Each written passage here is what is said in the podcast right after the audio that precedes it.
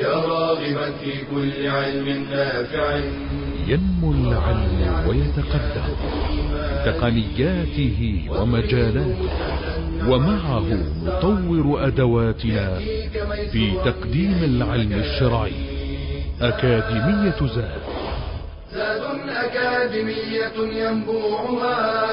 صاف صاف ليروي غلة الظمآن. والسيرة العلياء عطرة الشدى. طيب يفوح لأهل كل زمان. بشرى لنا ذات أكاديمية للعلم كالأزهار في البستان. بسم الله الرحمن الرحيم. الحمد لله رب العالمين وصلى الله وسلم وبارك على المبعوث رحمة للعالمين. سيدنا محمد وعلى آله وصحبه أجمعين. أما بعد السلام عليكم ورحمة الله وبركاته. نبينا صلى الله عليه وآله وسلم هو سيد بني آدم. هو خير البشر عليه الصلاة والسلام. ولذلك هو يحب ويبغض لأنه من البشر. وكان صلى الله عليه وآله وسلم يحب أمورا كثيرة. كان يحب من الصحابة من ذكرنا. وكان أيضا يحب من الأمكنة والأيام والأشهر ما سنعرج عليه أو نذكر شيئا منه. صلى الله عليه وآله وسلم كان يحب من البلاد مكة. وما أدراك ما مكة؟ فهي خير بقاع الأرض بلا خلاف ولا شك عند المسلمين. باستثناء ما ورد عن الإمام مالك بن أنس أن المدينة هي خير البلاد ولكن الجمهور على أن مكة هي خير بقاع الأرض. قال صلى الله عليه وآله وسلم ما أطيبك من بلد وأحبك إلي ولولا أن قومي أخرجوني منك ما سكنت غيرك. هذا يقوله عليه الصلاة والسلام لمكة. وأيضا روي عنه صلى الله عليه وآله وسلم أنه قال والله إنك لخير أرض الله وأحب أرض الله إلى الله ولولا أني أخرجت منك ما خرجت. إذا هذا الشعور هذا الحب لتلك البقاع المقدسة كان يحتفظ به النبي صلى الله عليه وآله وسلم ولا ينسى فضل تلك البلاد. لا لأنه ترعرع فيها ونشأ لا لأنها حوت أحبابه وأقرباءه لكن المنطقة المكان البقعة مقدسة لما حباها الله عز وجل من تشريف وتكريم. محبته عليه الصلاة والسلام لمكة لبكة لأم القرى للبلد الحرام للبلد الأمين. فيها أول بيت وضع للناس. قال عز من قائل إن أول بيت وضع للناس للذي ببكة مباركا وهدى للعالمين. ولذا جاء في الحديث أن النبي صلى الله عليه وآله وسلم سئل عن أول مسجد وضع في الأرض فقال المسجد الحرام. فقيل له ثم أي؟ قال المسجد الأقصى. وبين عليه الصلاة والسلام أن بينهما أربعين سنة. إذا لا شك أن للبيت الحرام لمكة مكانة خاصة عند الله عز وجل وعند النبي صلى الله عليه وآله وسلم. وكم نغفل عن هذا الفضل؟ نغفل عن أجر الصلاة في المسجد الحرام والتقرب إلى الله عز وجل عن طريق ذلك. النبي صلى الله عليه وآله وسلم يقول صلاة في مسجدي هذا أفضل من ألف صلاة فيما سواه إلا المسجد الحرام. وصلاة في المسجد الحرام أفضل من مئة ألف صلاة. سبحان الله. يعني الصلاة في الحرم المكي أفضل من مئة صلاة في الحرم النبوي. والصلاة في الحرم النبوي أفضل من ألف صلاة فيما سوى ذلك. تصلي في مكة أربعة أيام في الحرم خمسة فروض عشرين صلاة كأنك صليت عاما ونيف في المدينة. ومع ذلك يرغب الناس عن الذهاب إلى مكة. يذهبون إلى بلاد العالم يسافرون يتمتعون يتنزهون. إن قيل لهم تعالوا نقضي أسبوعا في مكة قالوا الجو حر مكة ما فيها شيء ماذا نفعل؟ سبحان الله. الإيمان يرتقي بالناس. وقلة هذا الإيمان تحرمهم من الأجر والفضل. الله عز وجل جعل مكة أحب البقاع إلى النبي عليه الصلاة والسلام وهي أحب البقاع إلى الله عز وجل جعلها حرما آمنا. لا يسفك فيها دم. ولا يختل خلاها ولا يعضد شجرها ولا ينفر صيدها ولا يجوز لمسلم أن يلتقط لقطة في الحرم إلا ليعرفها فإن لم يجد صاحبها لم يحل له أن يتملكها أبد الآبدين. ما يجوز أن يتملكها ولا أن يأخذها إلا ليعرفها. أخبر الله تعالى أنها أم القرى. وأنها قبلة الناس أجمعين. ما من ميت مسلم مقبور في قبره إلا هو متجه إليها. ما من قبلة يتوجه الناس إليها إلا هي. الأمن مضمون لمن دخلها ومن دخله كان آمنا. يحرم استقبالها واستدبارها عند قضاء الحوائج. اختارها ربنا عز وجل لمناسك الحج وجعل القصد إليها عبادة ترفع بها الدرجات وتمحى بها السيئات. كيف؟ بعد ذلك كله لا يحبها نبينا صلى الله عليه وآله وسلم.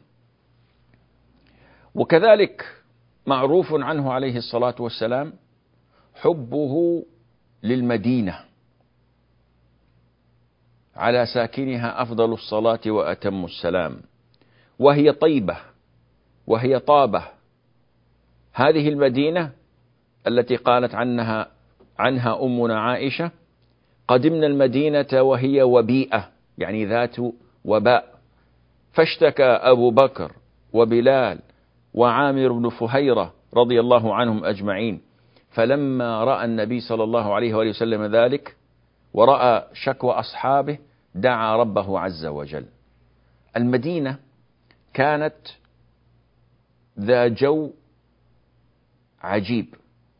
من جاءها من غير أهلها لابد أن يصاب بالحمى لابد أن يمرض. فكان الصحابة عندما هاجروا إليها وقد تركوا أموالهم وأولادهم وديارهم حالهم النفسية حالتهم النفسية ليست كحالة أي أحد لأنهم تركوا كل شيء في سبيل الله عز وجل. فلما ذهبوا إلى تلك الديار التي هاجروا إليها وأصيبوا بذلك الوباء قذف الشيطان في قلوب بعضهم أن هذه الهجرة يعني شيء ما هو بالأمر الذي تنشرح له الصدور. يعني بعض الأحيان نحن نقول الشغلة مقفلة من جميع النواحي ابدا. لكن هذا الشيطان يقذف في قلوب المؤمنين. إذا مسهم طائف من الشيطان تذكروا. فماذا فعل النبي صلى الله عليه وآله وسلم عندما رأى ما أصاب أصحابه؟ هذا ما سنتداوله إن شاء الله بعد الفاصل. فابقوا معنا. بشرى لنا أكاديمية للعلم كالأزهار في البستان.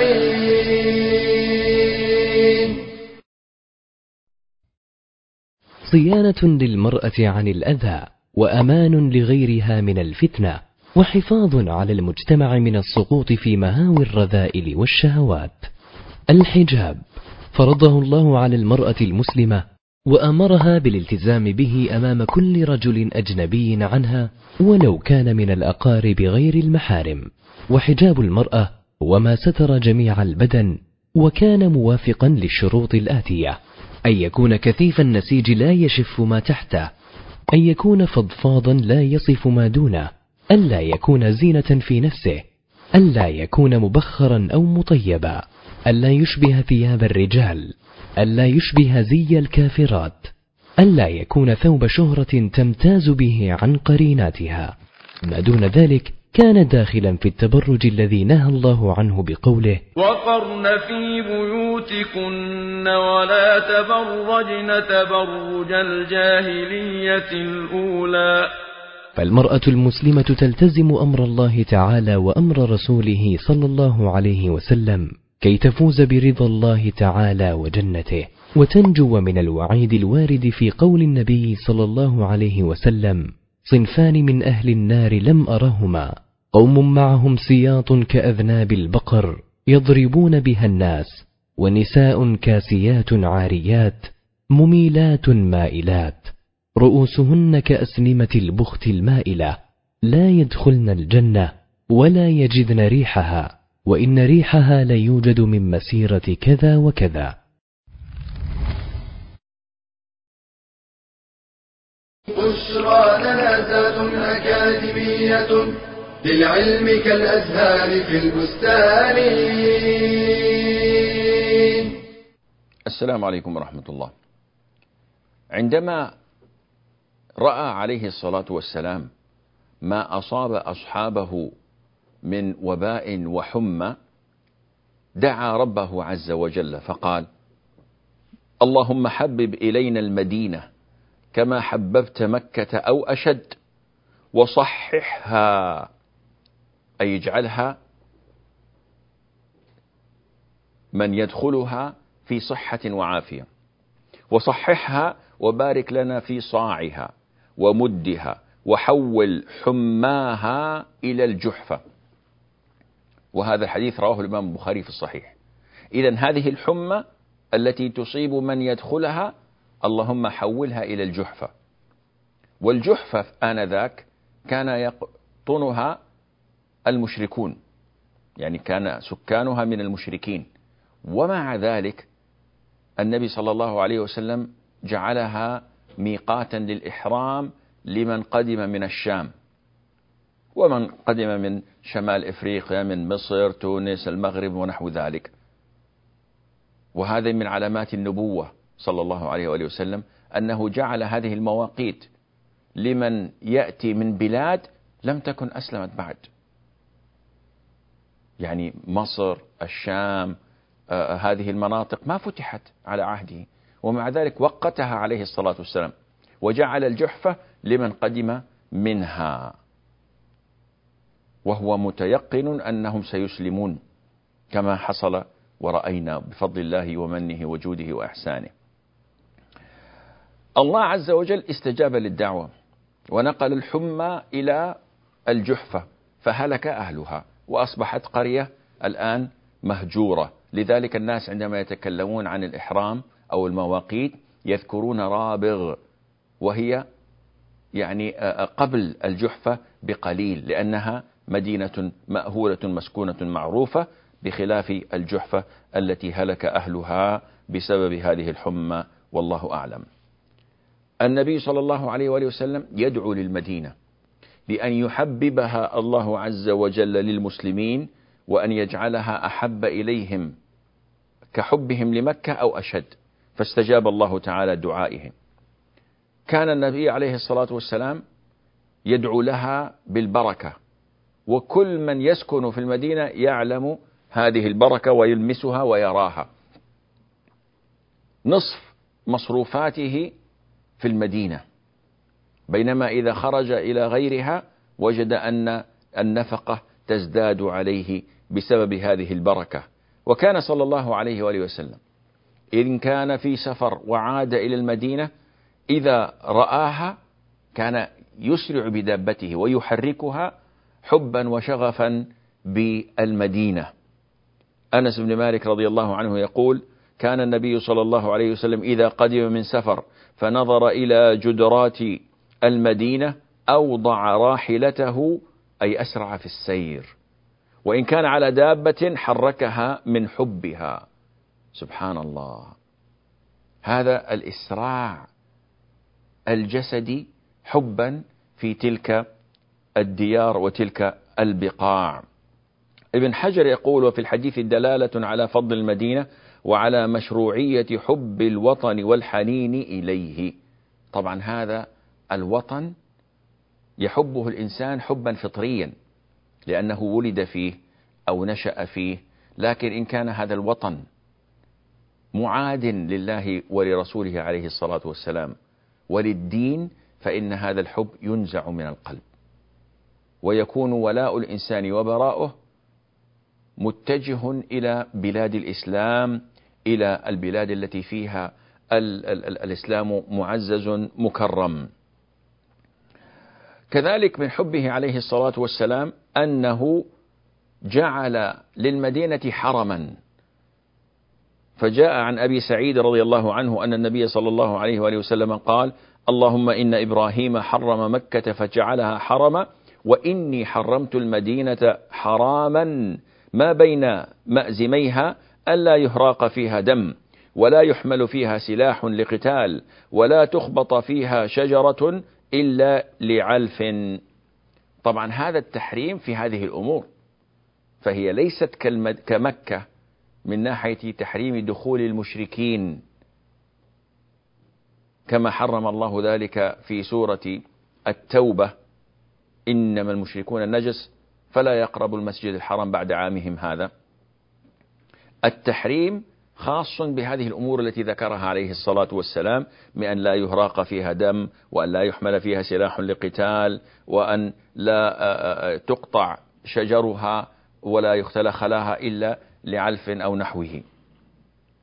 لأن ثمامة بن أثال عندما كان مشركا وأسره أسرته جند الله ربط في سارية المسجد النبوي ثلاثة أيام والقصة معروفة. فدل ذلك على جواز دخول غير المسلمين إلى المدينة بخلاف مكة. وجاء عن أبي هريرة رضي الله عنه أن النبي عليه الصلاة والسلام قال إن الإيمان لا يأرز أي ينضم بعضه إلى بعض فيها. إن الإيمان لا يأرز إلى المدينة كما تأرز الحية إلى جحرها. هذا كله لتبيين فضل المدينة التي يحبها رسول الله صلى الله عليه وسلم. وقال لا يصبر أحد على لأوائها فيموت إلا كنت له شفيعا أو شهيدا يوم القيامة إذا كان مسلما.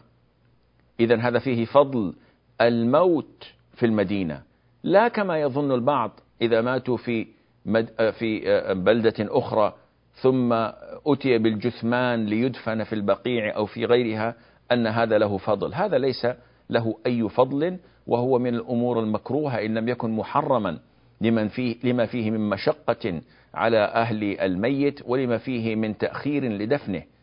كثير من أهل المدينة إذا مات في جدة أو في الرياض ذهبوا بجثمانه ليدفن في المدينة. هذا ما له أي فضل ولا له أي أساس.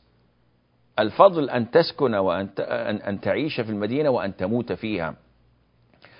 ولذا سمع النبي صلى الله عليه وسلم رجلا يعني وهذا يحصل الآن. كثير من الناس يقول لماذا لا تذهب فتسكن في المدينة الفلانية أو كذا أو البلاد الفلانية؟ فيها أجر في فيها يعني مال فيها رزق فيها وظائف. واترك هذه المدينة ما حد يأتيها ما فيها عمل. النبي صلى الله عليه وسلم يقول يأتي على الناس زمان يدعو الرجل ابن عمه وقريبه هلم إلى الرخاء هلم إلى الرخاء.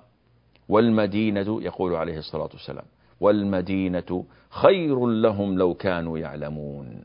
هذه هي طيبة هذه هي طابة التي كان يحبها عليه الصلاة والسلام.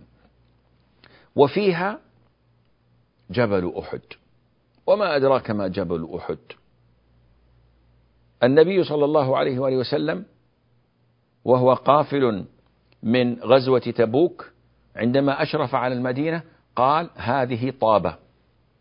اسمها طابة من الطيب طابت وهي طيبة وهي المدينة ولا يجوز أن يسميها كما يفعل بعض المؤرخين وبعض من يكتب في الشؤون الإسلامية بأنها يثرب. يثرب هذا اسمها في الجاهلية. ولا يصلح أن يستخدم في هذه الأيام. هي المدينة أو هي طيبة أو طابة. فلما رأى النبي عليه الصلاة والسلام أحدا قال هذا جبيل يحبنا ونحبه. طيب نحن نحبه فهمنا. لكن كيف هذا الجبل يحبنا؟ أنس بن مالك رضي الله عنه يقول صعد النبي عليه الصلاة والسلام إلى أحد ومعه أبو بكر وعمر وعثمان. فرجف بهم. هذه هزة أرضية. فضربه برجله. فقال اثبت أحد فما عليك إلا نبي أو صديق أو شهيدان. رواه البخاري في صحيحه. إذا هذا الجبل يحبنا ونحبه. طيب كيف هذا الوضع؟ النووي رحمه الله قال الصحيح المختار أن معناه على الحقيقة أن أحدا يحبنا. جعل الله فيه تمييزا يحب به. طب كيف هذا جماد؟ قال النووي والعلماء حتى الجمادات لها حب ومشاعر اختصها الله تعالى بها. كيف؟ هذا إن شاء الله ما سوف نتدارسه بعد الفاصل فابقوا معنا. بشرى لنا أكاديمية للعلم كالأزهار في البستان.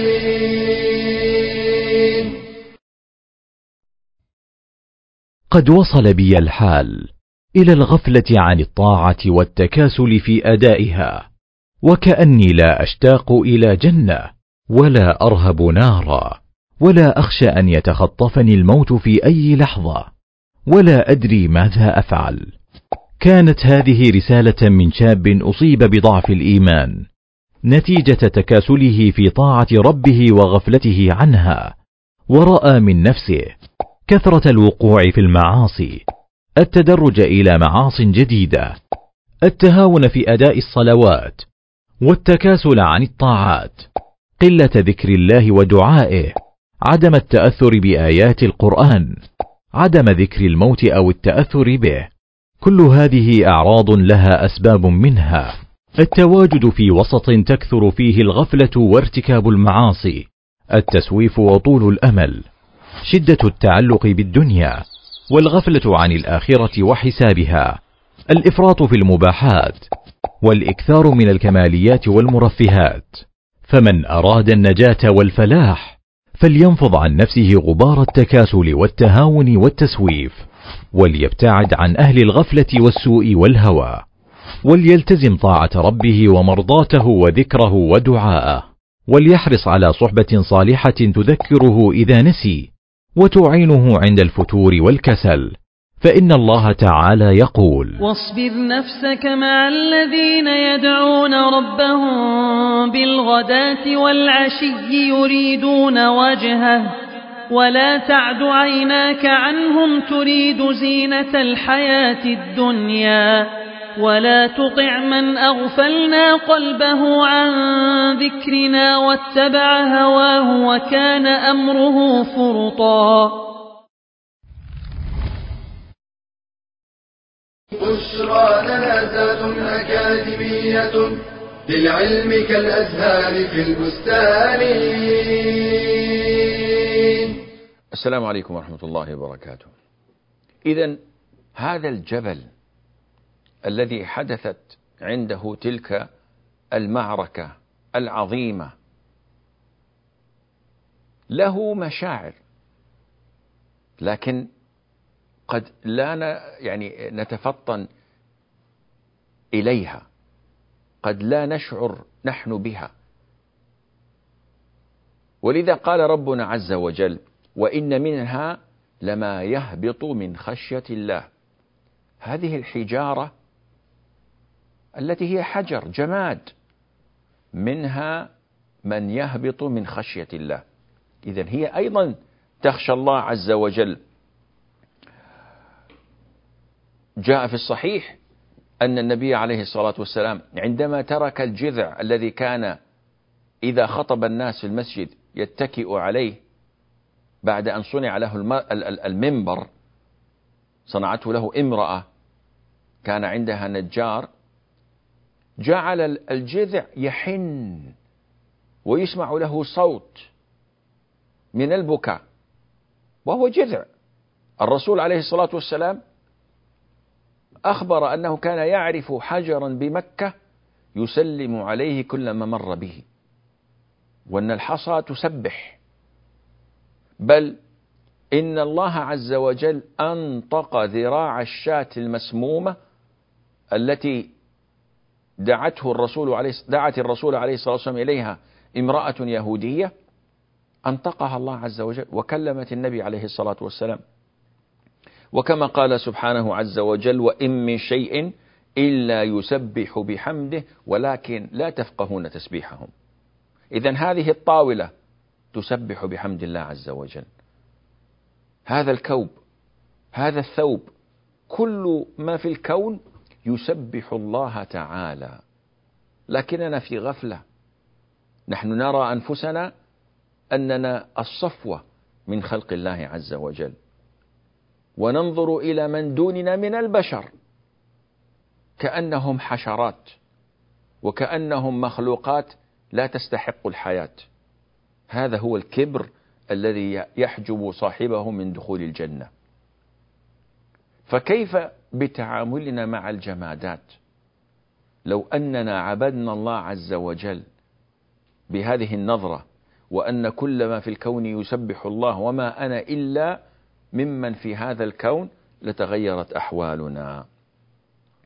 اذا إذا كان جبل أحد وهو ذاك الجماد يحب النبي عليه الصلاة والسلام حبا على الحقيقة لا مجازا مع أن النبي عليه الصلاة والسلام لم يبعث لجبل أحد وليس له عليه منة ظاهرة.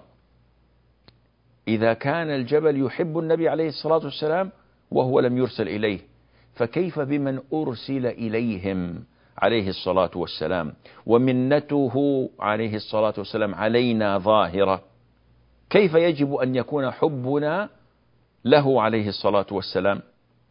لا شك أنه الغاية في المحبة ولا شك أننا نحب جبل أحد لحبه عليه الصلاة والسلام لهذا الجبل.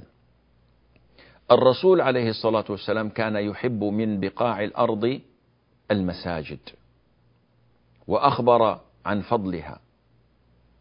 كحديث سبعة يظلهم الله في ظله يوم لا ظل إلا ظله ورجل قلبه معلق في المساجد.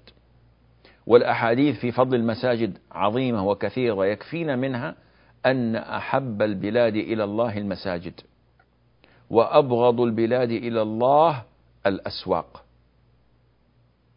وهذا يظهر حقيقة الإيمان. إن وجدت في الشاب أو في الفتاة حبا للذهاب إلى بيوت الله والبقاء فيها وذكر الله والاعتكاف فاعلم أن ذلك علامة الإيمان. أما إن وجدت أن الأوقات تقضى في تلك المولات والأسواق التجارية بالساعات الطويلة. بما في ذلك من اختلاط وعدم غض للبصر واستماع للأغاني المحرمة والموسيقى التي أصبحت في كل مكان وتلك المناظر المخلة بالآداب.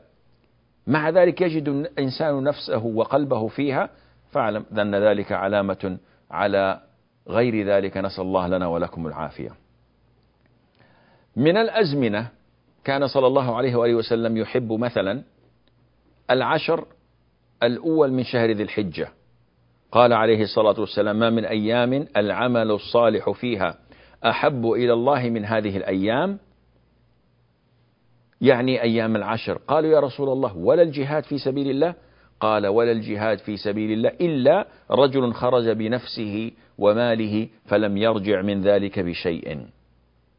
وكان أيضا عليه الصلاة والسلام يحب العشر الأواخر من شهر رمضان فكان يعتكف في لياليها وكان يشد مئزره ويحيي ليله ويوقظ أهله حبا في تلك الليالي التي تشتمل على أفضل الليالي التي هي ليلة القدر التي هي خير من ألف شهر.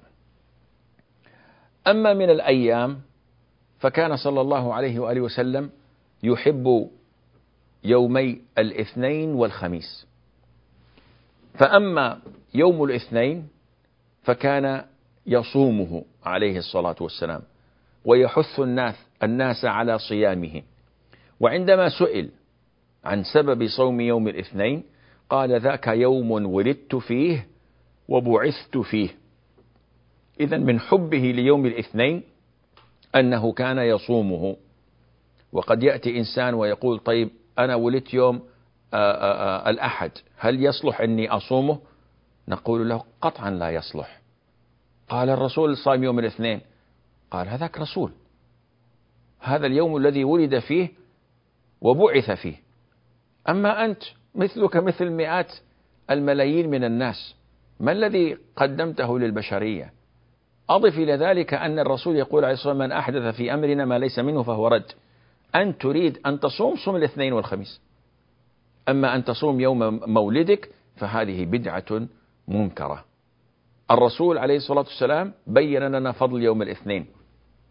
ولم يبين لنا فضل يوم الثاني عشر من ربيع الأول كما يفعل بعض المبتدعة باحتفالهم لمولده عليه الصلاة والسلام. إن كنت تحبه حقيقة حقيقة فاحتفل بميلاده بصوم يوم مولده يوم الاثنين فهي عبادة. وغيرها بدعة. وكان يحب من الأيام الخميس. يصوم الاثنين والخميس. وذاك يوم تعرض فيه الأعمال على الله. وكان يحب أن يعرض عمله وهو صائم. وكان عليه الصلاة والسلام يحب آه، أن يخرج يوم الخميس. يعني أن يبدأ سفره يوم الخميس. لأمور معينة لأنه يوم مبارك ترفع فيه الأعمال لأنه أتم أيام الأسبوع كما قال بعض أهل العلم لأنه كان يتفاءل والرسول عليه الصلاة والسلام كان يحب التفاؤل كما سيأتي معنا إن شاء الله. أما من الشهور فكان عليه الصلاة والسلام يحب الأشهر الحرم كان يحب شهر رمضان لما فيه من عبادة وصيام وتقرب إلى الله عز وجل. كان يحب شهر شعبان ويخبر الناس عندما يسألوه عن سبب صيامه لشعبان أكثر مما سواه. طبعا أفضل الصيام بعد شهر رمضان شهر الله المحرم. لكن ما رؤي الرسول عليه الصلاة والسلام يصوم شهرا أكثر من رمضان سوى شعبان. وعندما سئل فقال ذلك شهر بين شهر الله المحرم رجب وبين رمضان يغفل عنه كثير من الناس. فكان عليه الصلاة والسلام يحب أن يصوم من هذا الشهر وربما كان يعني يصله برمضان. تقول أمنا عائشة رضي الله عنها كان أحب الشهور إلى رسول الله صلى الله عليه وآله وسلم أن يصومه شعبان بل كان يصله برمضان.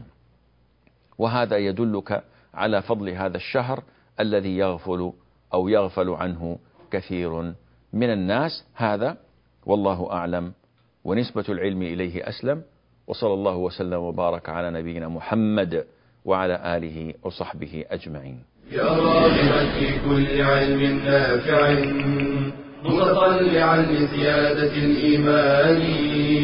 وتريد سهلا النوال ميسرا يأتيك ميسورا بأي مكان. زاد زاد أكاديمية ينبوعها.